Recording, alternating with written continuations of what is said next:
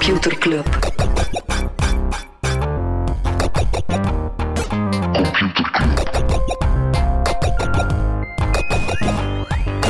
Computer Club. Hey Smolly, Hey Freddy. welkom, welkom terug. Welkom. Welkom bij Computer Club, een wekelijkse podcast over technologie. Iedere aflevering selecteren Freddy en ik een interessant artikel en presenteren een feitje. Ik heb het gevoel dat de hey zo klein beetje langer waren dan gewoonlijk. Dat is omdat we zo lang op café hebben gezeten lange in dit hey. weekend. Lange, Lange- lange terrasjes gedaan. Lange terrasjes gedaan, best, beste terrasjes gedaan. Dus dat. Zeg, eh, nog even eh, terugkomen op vorige week. We hadden het in de nieuwsbrief over zo, ah, een beetje het, eh, de uitval van het Apple ad tracking, Mhm. de, de ad tracking apocalyps. Eh wel, Flurry Analytics, die komen nu met Flurry cijfers. Analytics. Ja, dat, is, dat is goed, dat is onderdeel van Vir- Ver- Ooit was dat eigendom van Yahoo, nu van Verizon. Oké. Ah nee, nee. Yahoo is eigendom van Verizon, whatever.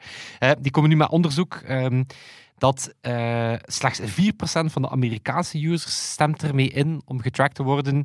Eh, wereldwijd zit het op 12,5%. Ai, ai, ai. Ja, Dat, is niet geen goed nieuws voor de Facebook en calls van deze wereld. Ja, nee. Weet je, het, het, het ding is, dat gaat over third-party tracking, niet Hm. over first-party tracking. Dus Facebook weet nog altijd zeer goed waar je bent. Het is, het, is minder, het is moeilijker om attributie te doen. Ze kunnen inderdaad moeilijker zeggen van, ah, die game voor die mobile ads dat je bij ons gekocht hebt, het is gewoon moeilijk om aan te tonen dat je die game dan gekocht hebt. Want daarvoor moet die game terug naar Facebook telefoneren en dat Mhm. kunnen ze nu iets, iets minder, maar Oké. niet hebben over, Smolly. Yes, Flipkart staat op het punt om 1 miljard dollar op te halen. Eh, 1 miljard Flipchart. dollar. Flipchart? Nee, nee, Flipkart? Flipkart. Die Indiaanse e-commerce speler. Oeh. die, waar Walmart voor 16 miljard een eh, meerderheidsaandeel in heeft. En zouden ze naar de beurs gaan waarschijnlijk daarna. Dat is dan een volgende stap. Hè, want na 1 miljard ophalen is er niet echt nog een volgende stap. Eh, ik heb wat, wacht, hè. kan ik er een brugje mee bouwen? Nee, ik kan geen brugje bouwen. Heb jij een brugje klaar? Segwaytje? Nee, niet echt. Nee. Dus doe maar. Eh, geruchten over de Apple Watch. Die zou, ehm well, is op zich zeer geslaagd als help device. En die zou blijkbaar ook, eh maar geruchtenmolen, hè, ook glucose en alcohol meten. Wow. Ja, Na terrasjes, alcohol meten na de, dat- is interessant voor de Apple Car. Eh, nee, maar zeker glucose meten is wel Ja. vrij. Het wel, zou wel nice zijn voor mensen met diabetes. Dus zonder naald eh, dat te doen. En ook interessant, is een beetje een, ehm, een voordeel van de Epic Apple lawsuit. Is dan komen er allerhande documenten vrij. Eh, dat we normaal niet zien. En daaruit blijkt dat er amper 17.000 Apple Watch applicaties bestaan. Oké. Dat, dat toont wel aan dat de Apple Watch als een app-platform niet, van de grond komt. Niet van de grond komt. Speaking of Apple, in de VS gaan verschillende chipfabrikanten en techbedrijven, waaronder Apple, zich verenigen in de hoop zo'n eh, 50 miljard dollar vrij te krijgen van de regering voor onderzoek en productie van chips echt op gang te brengen.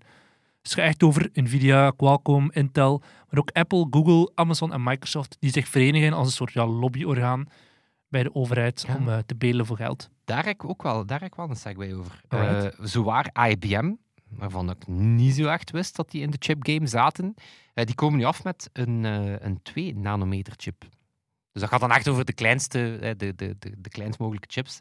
En daar zit Intel nu op een achtervolgingsrace. Al Intel wel. of IBM?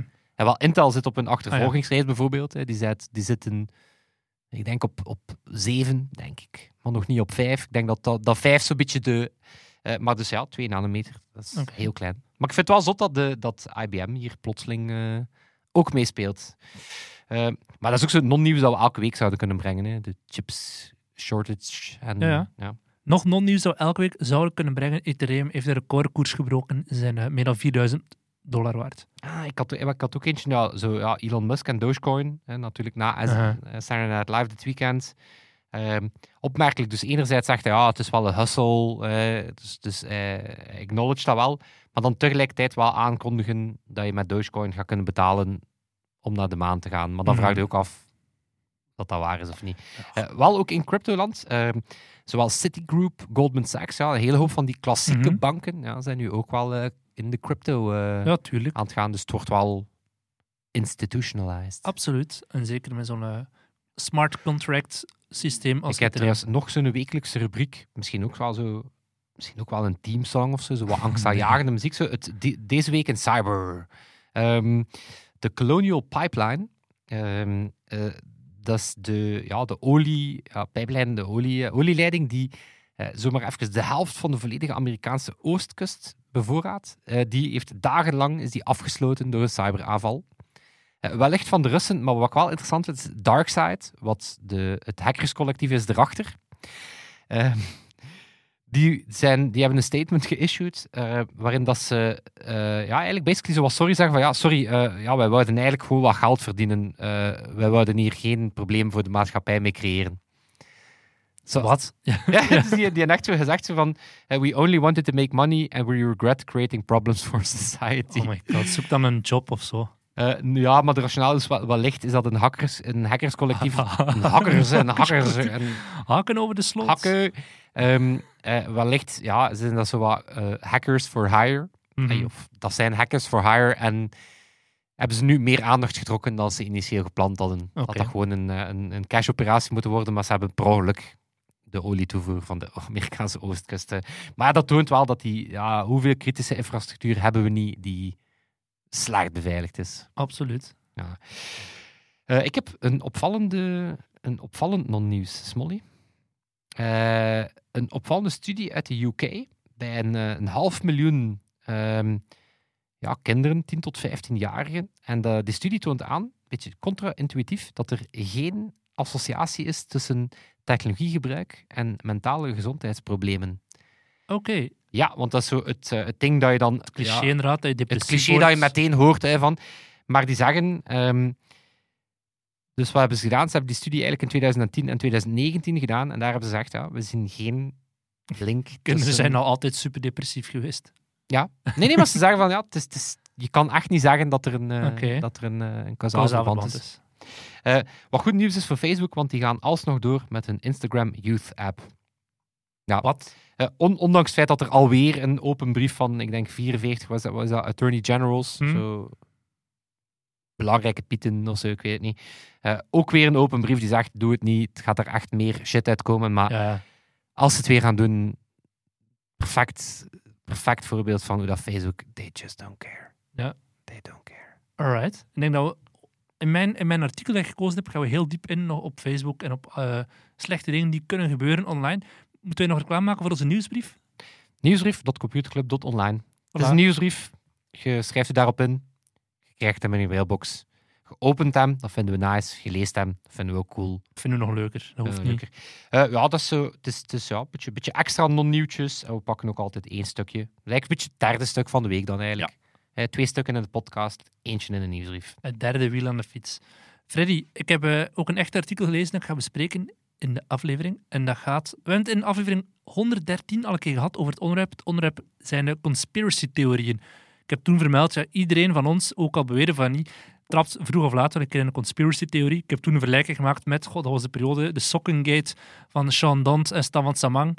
Eh, De conspiracy-theorie ging toen de ronde dat DPG Media daar niet over publiceerde, want het ging een complot zijn of ik weet niet wat, dat- wat de gedachte erachter was. Of de andere theorie waar iedereen in mee ging, is dat eh, iedereen bij de morgen wist dat Bart de Pauw dat er ook een dossier was van Erik van Looy, eh, maar dat de slimste mens was toen, en dat ze dat daarom niet gepubliceerd hadden, toen dat Bart de Pauw... eh, Ja, inderdaad. Bart de er waren zo die nog zo pseudo Ja, geloofd of zo. ja, ja, en heel veel mensen gingen daarin mee. Maar zwart, iedereen gelooft vroeg of laat een keer in een conspiracy-theorie. Ik heb een heel interessant interview gelezen in Der Spiegel met Phil Howard. En dat is de baas van het Oxford Internet Institute. En echt wel een expert op vlak van desinformatie en conspiracy-theorieën. Is bijvoorbeeld aangesteld in 2016 in de nasleep van de verkiezingen in eh, Amerika door de Senat om na te gaan van is er nu eigenlijk iets fout gegaan met die IRA, was dat dan, eh, de, de Russen zo gezegd die de verkiezingen hebben beïnvloed. Dus echt wel een expert op vlak van desinformatie. Het is een heel fijn interview. Niet dat er verschil wereld... tussen misinformatie en desinformatie? Ik heb al eens een keer opgezocht of dat er verschil ja, is. vertel. Ehm, ja, dus beide zijn verkeerde informatie, maar misinformatie is als je het niet bewust weet Ah, ja. en desinformatie is als je het Ja. bewust Ja. doet om te manipuleren. En, en dit interview gaat bewust over bewuste manipulatie, desinformatie. En hij zegt geen wereldschokkende dingen, maar hij komt met een aantal heel toffe metaforen die wel tof zijn om, eh, om over na te denken in de toekomst als we het over dit debat hebben. Ja, het stuk begint met ja, zowel Parler als Trump zijn tijdelijk geband van een aantal platformen, maar daarmee ga je die conspiracy-theorieën uiteraard de wereld niet uithelpen. En hij zegt van ja, plaatsen als Parler of eh, de Donald, die subreddit op Reddit, die gaan nooit echt groot worden, maar toch zijn ze zeker niet onbelangrijk. Het is een soort Petri-schaaltje waarop dat extremisten ideeën zouden kunnen uittesten. En ze gaan zien wat werkt wel en wat werkt niet. En daarna gaan ze dat injecteren op grote schaal. Een beetje een R&D-lab. Je hebt dan eh, nadien, als extremisten merken, dit werkt hier wel effectief, hopen ze dat een, een groot account, pak Alex Jones of Joe Rogan of een Hollywoodster die van niets weet, dat gaat overdragen naar een, een breder publiek. influencer. Of een Vlaams influencer. Eigenlijk een beetje zoals een mug de ziekte dan gaat overdragen naar de mens. En soms is dat bewust. Eh, Alex Jones zal dat waarschijnlijk bewust doen. Soms is dat gewoon onbewust. Een Hollywoodster die geen flauw idee heeft wat er bedoeld wordt met een meme, dat dat gaat overbrengen naar het grote publiek. En dat is de eerste vergelijking met een pandemie. Dat zijn een soort muggen, die mensen, die grote accounts, die de viraliteit injecteren bij de mens. En dan inderdaad, Boyd, in het geval van zo'n mediacomplot, zo, alles is een complot, maar dan zie je van, ah, tja, maar diegene waarvan dat gaat over Ja, de slimste mens, ah, daar, reageren mensen wel echt goed op. Ja, ja. Dat is eentje die wel veel potentieel heeft om... eh, Yes. ja. Dus je hebt die muggen nodig, dat is de vergelijking met de pandemie. Zegt hij, het is belangrijk, als je iets op één platform debunkt, dan kan er nog altijd perfect leven op een ander platform of in een ander land. In Europa heb je Hongarije en Polen en daar ontstaan heel veel complottheorieën. Dat is een beetje de tweede vergelijking met een pandemie, tussen conspiracy-theorieën en een pandemie. Het is niet omdat het ene land opgelost is, zoals nu in Australië is er geen covid meer, dat in een ander land niet opnieuw kan opflakkeren. Dat is de tweede vergelijking met de pandemie. En hij zegt van ja, regulering in één regio kan er anderzijds wel voor zorgen dat er wereldwijd een soort rimpeleffect ontstaat, net zoals bij een pandemie. Je ziet dat bijvoorbeeld in Europa zijn ze heel strenge tech-regulering eh, regulering aan het invoeren. En Facebook die gaat gewoon zeggen, ja, voert, we gaan het dan gewoon voor iedereen. Voor de grootste gemene Ja. deler oplossen. Ja, Eh, want- je gaat ergens de strengste volgen en dan... Ja, want het is het, het is het niet waard om in elk land dan een aparte Facebook te gaan maken die met andere regulering werkt. Zeggen ze, oké, we gaan gewoon de strengste regels voor, eh, volgen. Phil Howard die verwacht dat sociale media in de toekomst meer en meer als uitgevers gaan behandeld worden. Nou, dat zie je uiteraard ook met de, de regulering die er komt. Die dus effectief verantwoordelijk worden gesteld voor wat er op hun platformen gebeurt. Maar dan ga je die platformen ook anders moeten gaan designen, zegt hij. Hij, gaat dan, hij zegt van, we hebben het dan over design for consensus en niet meer over design for conspiracy peddling. Dus ja, nu, nu is Facebook er uiteraard op gericht dat ze zoveel mogelijk controverse eh, genereren en dan naar voren brengen in jouw feed. Als je voor design for consensus gaat, ja, dan ga je helemaal anders. Dan ga je meer misschien met een upvote of downvote systeem gaan werken en minder met wat, wat is hier organisch viraal aan het gaan, ja of nee. En Phil Howard en zijn, zijn onderzoeksinstelling die maken elk jaar een rapport over hoeveel landen wereldwijd zijn er met van die cybertroops die bewust desinformatie gaan, gaan genereren voor de overheid of overheidsinstanties. Twee jaar geleden waren dat 70 landen en dit jaar zijn het er 81. Dus het gaat dus effectief over privébedrijven die bewust samen met de regering of met politieke partijen... waren 81, wereldwijd 81 landen. En hij zegt van het is niet alleen landen, ja, logische landen dat je zou denken, Filipijnen, Nigeria, Rusland, Maleisië, maar het is ook de UK die echt zeer groot is. Hij zegt van ja, er is wel een, een instelling van de overheid die dat probeert tegen te gaan, maar die zijn zo understaffed dat die dat gewoon niet aankunnen. Er is zoveel desinformatie, Wel, bewust. want dat is ook zo, dat, dat vind ik dan nog een interessant patroon, als je dan zo het met een pandemie vergelijkt, is dat vroeger ging propaganda over heel goed gedesignde boodschappen. Hey, weet je, dat was Mhm. echt zo, ja, je maakte echt propagandafilms en dat waren dan eh cinemafilms en er Mhm. stak daar veel werk in.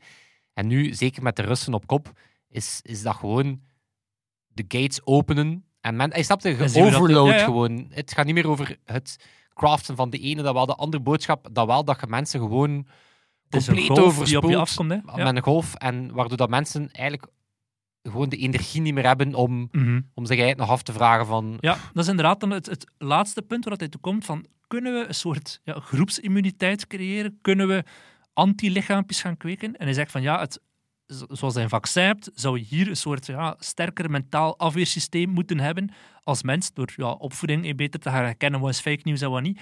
En ook gewoon, zegt hij, ja, op overheidsniveau kunnen we ook wel iets doen, die transparantie gaan afdwingen. Net zoals hij bij bedrijven op de beurs staat, verwacht dat ze een soort regel, transparant zijn. Zegt van ja, nu een Facebook en een Google en een Twitter, die doen op zekere hoogte toch ook wel een soort transparantie. Maar hij zegt ja, dat is niet sporadisch, is meestal sporadisch en het is ook niet zo diepgaand. Er moet een soort standaardisering komen van documentatie van wat doe je tegen fake news, wat doe je tegen hate speech, wat doe je tegen dit. Dat echt ah, zo dat soort transparantie. Dat, ja. je, dat, je, dat je moet een soort due diligence proces aantonen. Ja, en niet van Ah, ik dacht Facebook die zelf zegt we zijn transparant, maar dat echt zo'n soort Ja, gestandaardiseerde- ah, transparant, ik dacht transparantie van tonen wat de bron is algoritme van een bepaald... Nee, gewoon zo tonen van de, de, dit artikel dat je nu ziet, wie is de bron daarvan, wie heeft daarvoor betaald. Kan ook. Ja, maar dan dacht ik daarbij ook wel van ja, oké, maar daar ga je ook niet zoveel mee bereiken, want... eh, Nee, want meestal gaat de overheid niet rechtstreeks geld geven. Dan geven ze geld aan van die vage organisaties die dan Center for weet ik veel wat research heten. En die dat dan naar een artikel of een blogpost of een whitepaper schrijven. Of een open eh, stuk in de tijd of zo. ja. Dat niemand nog weet wie dat er effectief betaalt. Pas op, het is wel zo, sociale media, is, ik denk inderdaad dat van dat complotdenken, dat is, dat is van alle tijden. Tuurlijk. En haalt altijd zilveren hoedjes crews. Maar, Net zoals de politieke desinformatie van alle tijden. voilà, voilà, maar het is nu... Wat je wel merkt, is dat het zot vermainstreamed wordt. Weet je? Zo, waar dat, dat vroeger gewoon ja, een, een, een subset Mhm. mensen was die in alles complotten zagen, is nu zo plotseling kind of oké. Ja, Allee, of zo, je ziet het veel meer. Mhm. Ik denk dat het vooral is omdat na de verkiezingen van, van Donald Trump en een aantal andere verkiezingen hebben de mainstream media, de traditionele media, in een kramp geschoten van fuck, we zijn er iets aan het missen. En we gaan dan misschien in een soort overcompensatie op zoek gaan naar het andere geluid, tussen aanhalingstekens, en die mensen dan buitenproportioneel veel aandacht geven. Een Jean-Marie de Dekker, of in Nederland Maurice de Hond, of eh, ja, de, de prikkelende denkers, eh, die soms gewoon totaal niet prikkelend zijn, nog denken, maar die toch wel een soort ja, onderbuik, zo gezegd, vertegenwoordigen. Ja, En ik herinner me, nog een, ik weet niet meer van wie dat citaat was, maar dat was interessant. Dat ging over zo... Ja, waarom moet je per se al Trump zijn zever was dat toen? Mhm. Waarom moet je dat als... En dan wordt gezegd, het heeft nieuwswaarde, maar dan zei hij ook van, ja, nee... Ehm, als iemand zegt dat het geregend heeft of niet, dan moet je niet zeggen, die persoon zegt dat het geregend heeft. Dan moet je gewoon naar het weer kijken. En als het niet regent op dat moment, moet je dat zeggen. Ja, ja. Dan moet je niet zeggen, die persoon beweert dat. Dan moet zeggen, die persoon beweert dat, maar hij liegt.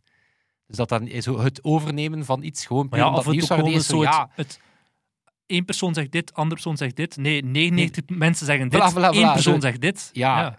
Zoals met de aarde is plat. Ja, eh 99,99% van de wetenschappers zegt dat de aarde niet plat is.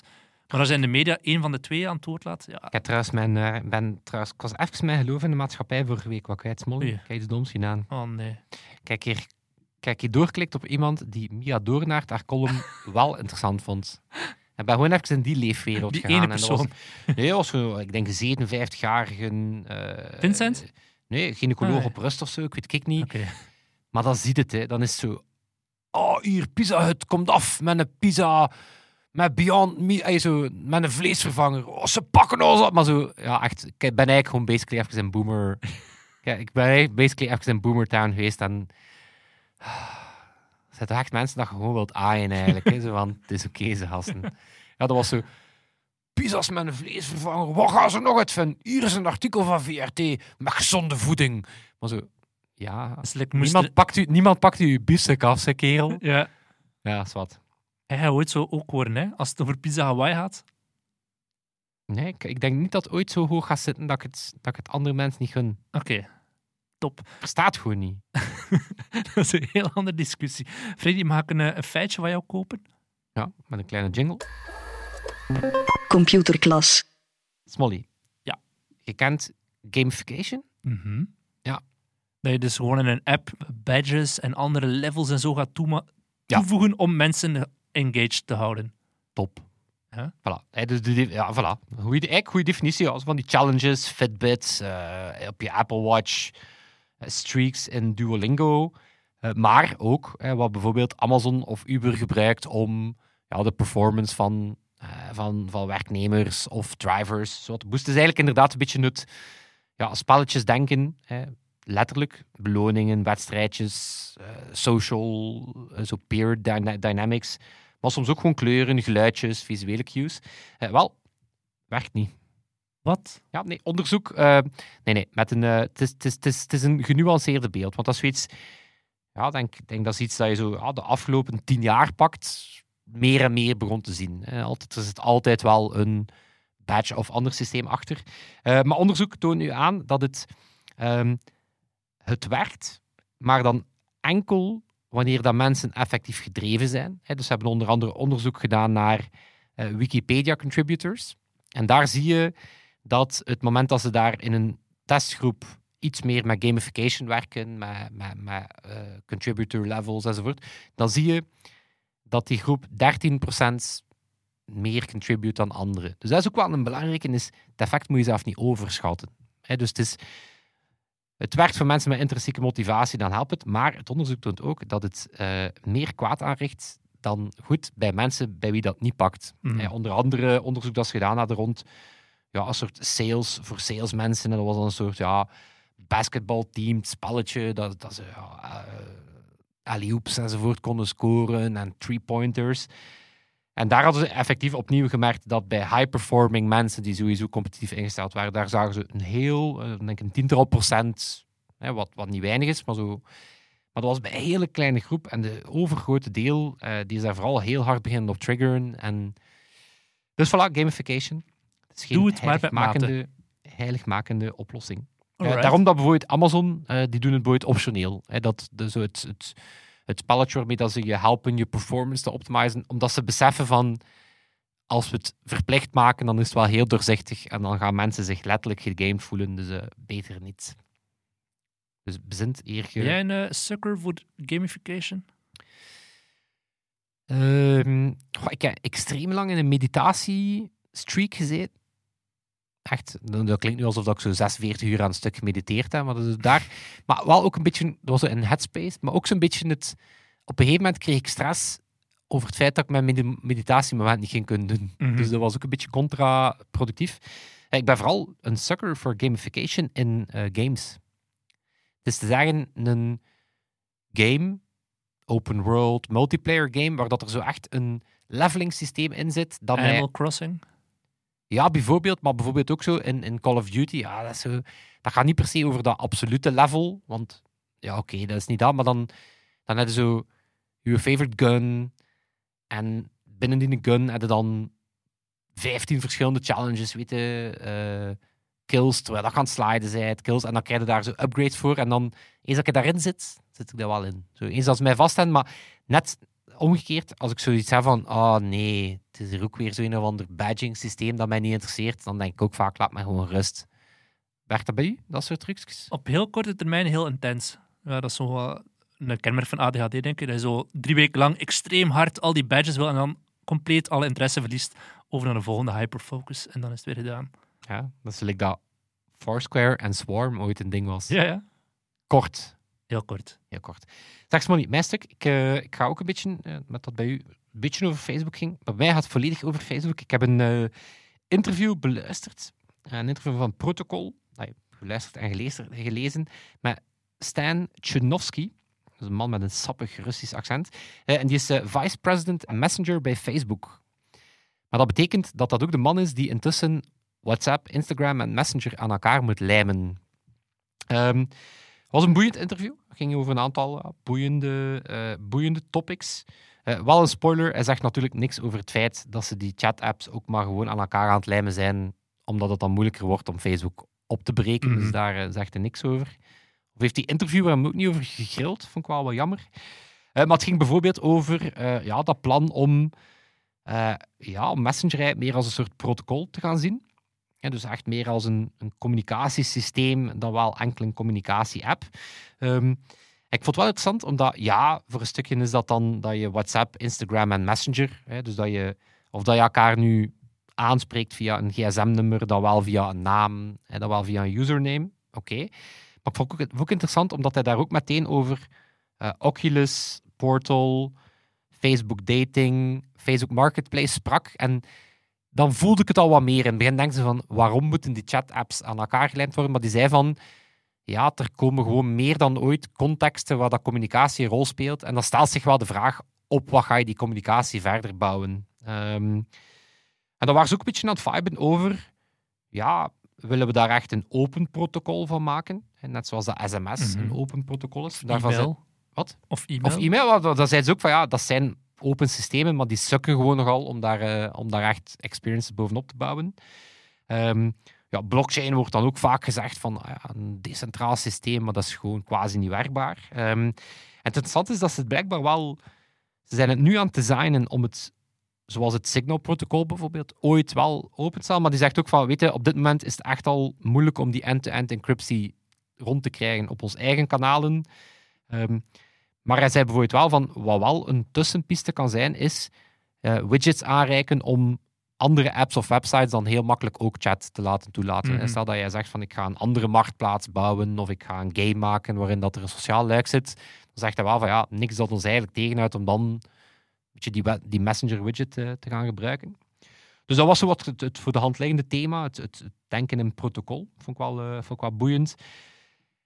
Dan vertelde hij ook van, ja, we, we hebben daar zo'n periode gehad dat zo het WeChat-model, de grote, zo de, de alles, alles zit dan op Messenger. Of, Mhm. of, of een beetje wat je vandaag dan hoort, alles wordt dan op voice. En daar ja, vertaalt hij natuurlijk een beetje de obvious, eh, ehm, het obvious eh, reden waarom dat, dat bij ons niet pakt, die saus, is ja, bijvoorbeeld in China, ja, daar hadden ze geen payments, daar hadden ze niet echt e-commerce dingen.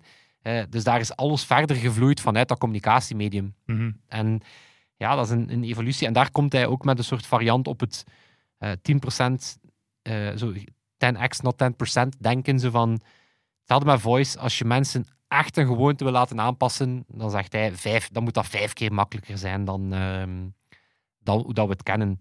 Eh, maar hij gelooft er wel nog in nu. Pas op, ik ben ook wel benieuwd of dat hij dan in dat interview zou zeggen van, geloof er niet in. geloof er niet meer in, maar dus hij zei van wel, ja, hij was heel veel over we haven't got there yet, en yet is een keyword. En, dus dat was ook wel interessant. Voice, dus effectief Messenger en Co. als voice-app gebruiken om... Eh, nee, nee, nee, nee, nee. Ah, sorry, sorry. Ehm, hij maakte de vergelijking dat er is heel lang sprake geweest van chat-apps als het nieuwe app-platform. Mhm. Eh, al die apps, zoals dat je ook in WeChat-apps hebt, eh, van moeten er allerhande apps in Messenger komen? En ze maakten de vergelijking met voice assistants en apps daarop. Ja. Dat dat op dit moment ook nog niet super zwaar van de grond komt, omdat we... Het is gedrag dat we al kennen en die voice maakt dat incrementeel iets makkelijker, maar ook niet fundamenteel veel makkelijker. Mhm. En totdat je dat vindt, gaan ook die voice assistants geen app-platform worden zoals, ja, zoals apps op, eh, op je smartphone. Eh, wat, wat anders ligt natuurlijk als je in culturen zit waar dat je bijvoorbeeld, stel dat je, dat er, ik kan nu geen voorbeeld noemen, maar stel dat je land hebt waar dat er ja, geen uitgebreide smartphone-app-cultuur was en daar zou je meteen die voice assistants loslaten, is er veel grote kans dat dat wel het de facto interactiemedium wordt. Ehm, ja, daar ging het ook voor een stukje over eh, ja, encryptie en, eh, en, eh, en privacy. En daar had hij ook een beetje een navolging van jouw pandemie-metafoor. Hij had wel een, hij had wel een wijze... ehm, ehm, had wel een wijze, en dat ging dan over encryptie, wat natuurlijk ook voor een wijze vergelijking. En dat, ja, natuurlijk voor Facebook is die encryptie een manier dat ze kunnen zeggen: oké, wij kunnen niet modereren. Mhm. Maar heeft er wel een punt natuurlijk, want communicatieinfrastructuur is iets heel anders dan een mediaplatform. Je, je, gaat nooit, je gaat niet verwachten van Proximus dat ze elk telefoongesprek gaan modereren. Ja. Of dat ze elke... En hij had het, het interessante vergelijking en die zei... eh, two people in a room. Was zo een dat hij constant zei van...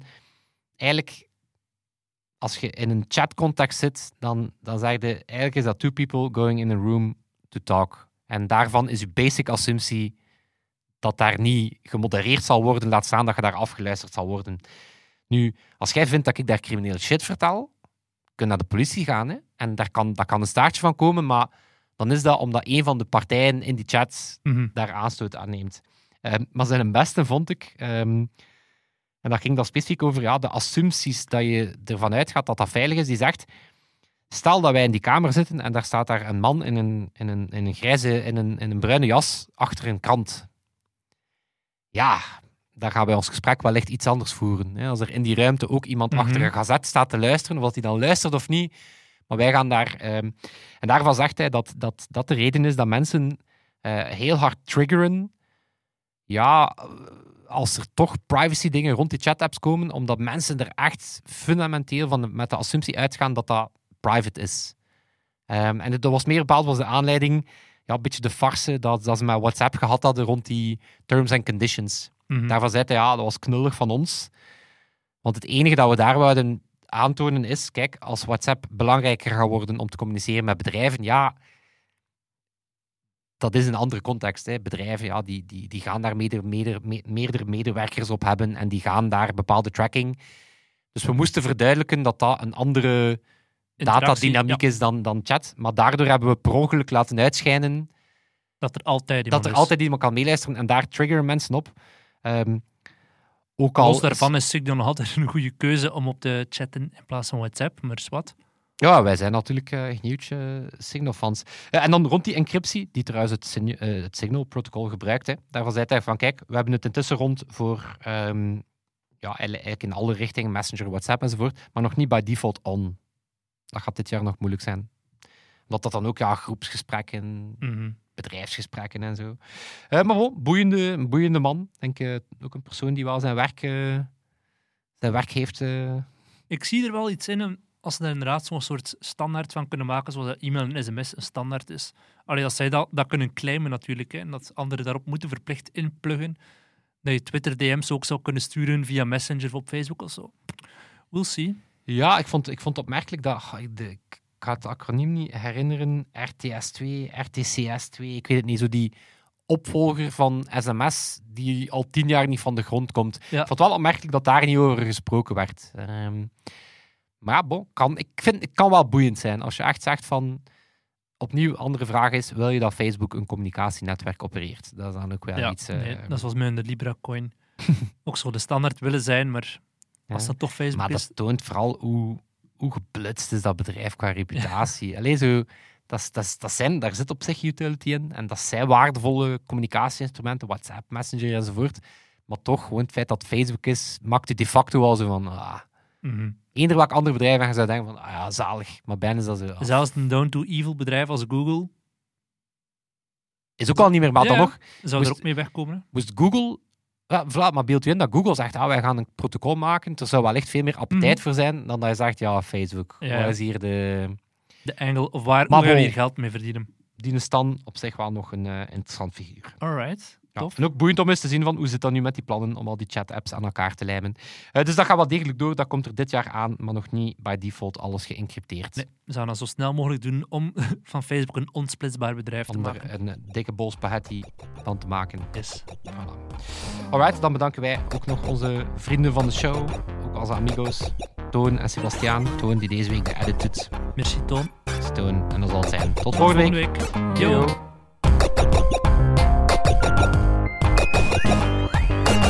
Computer Club.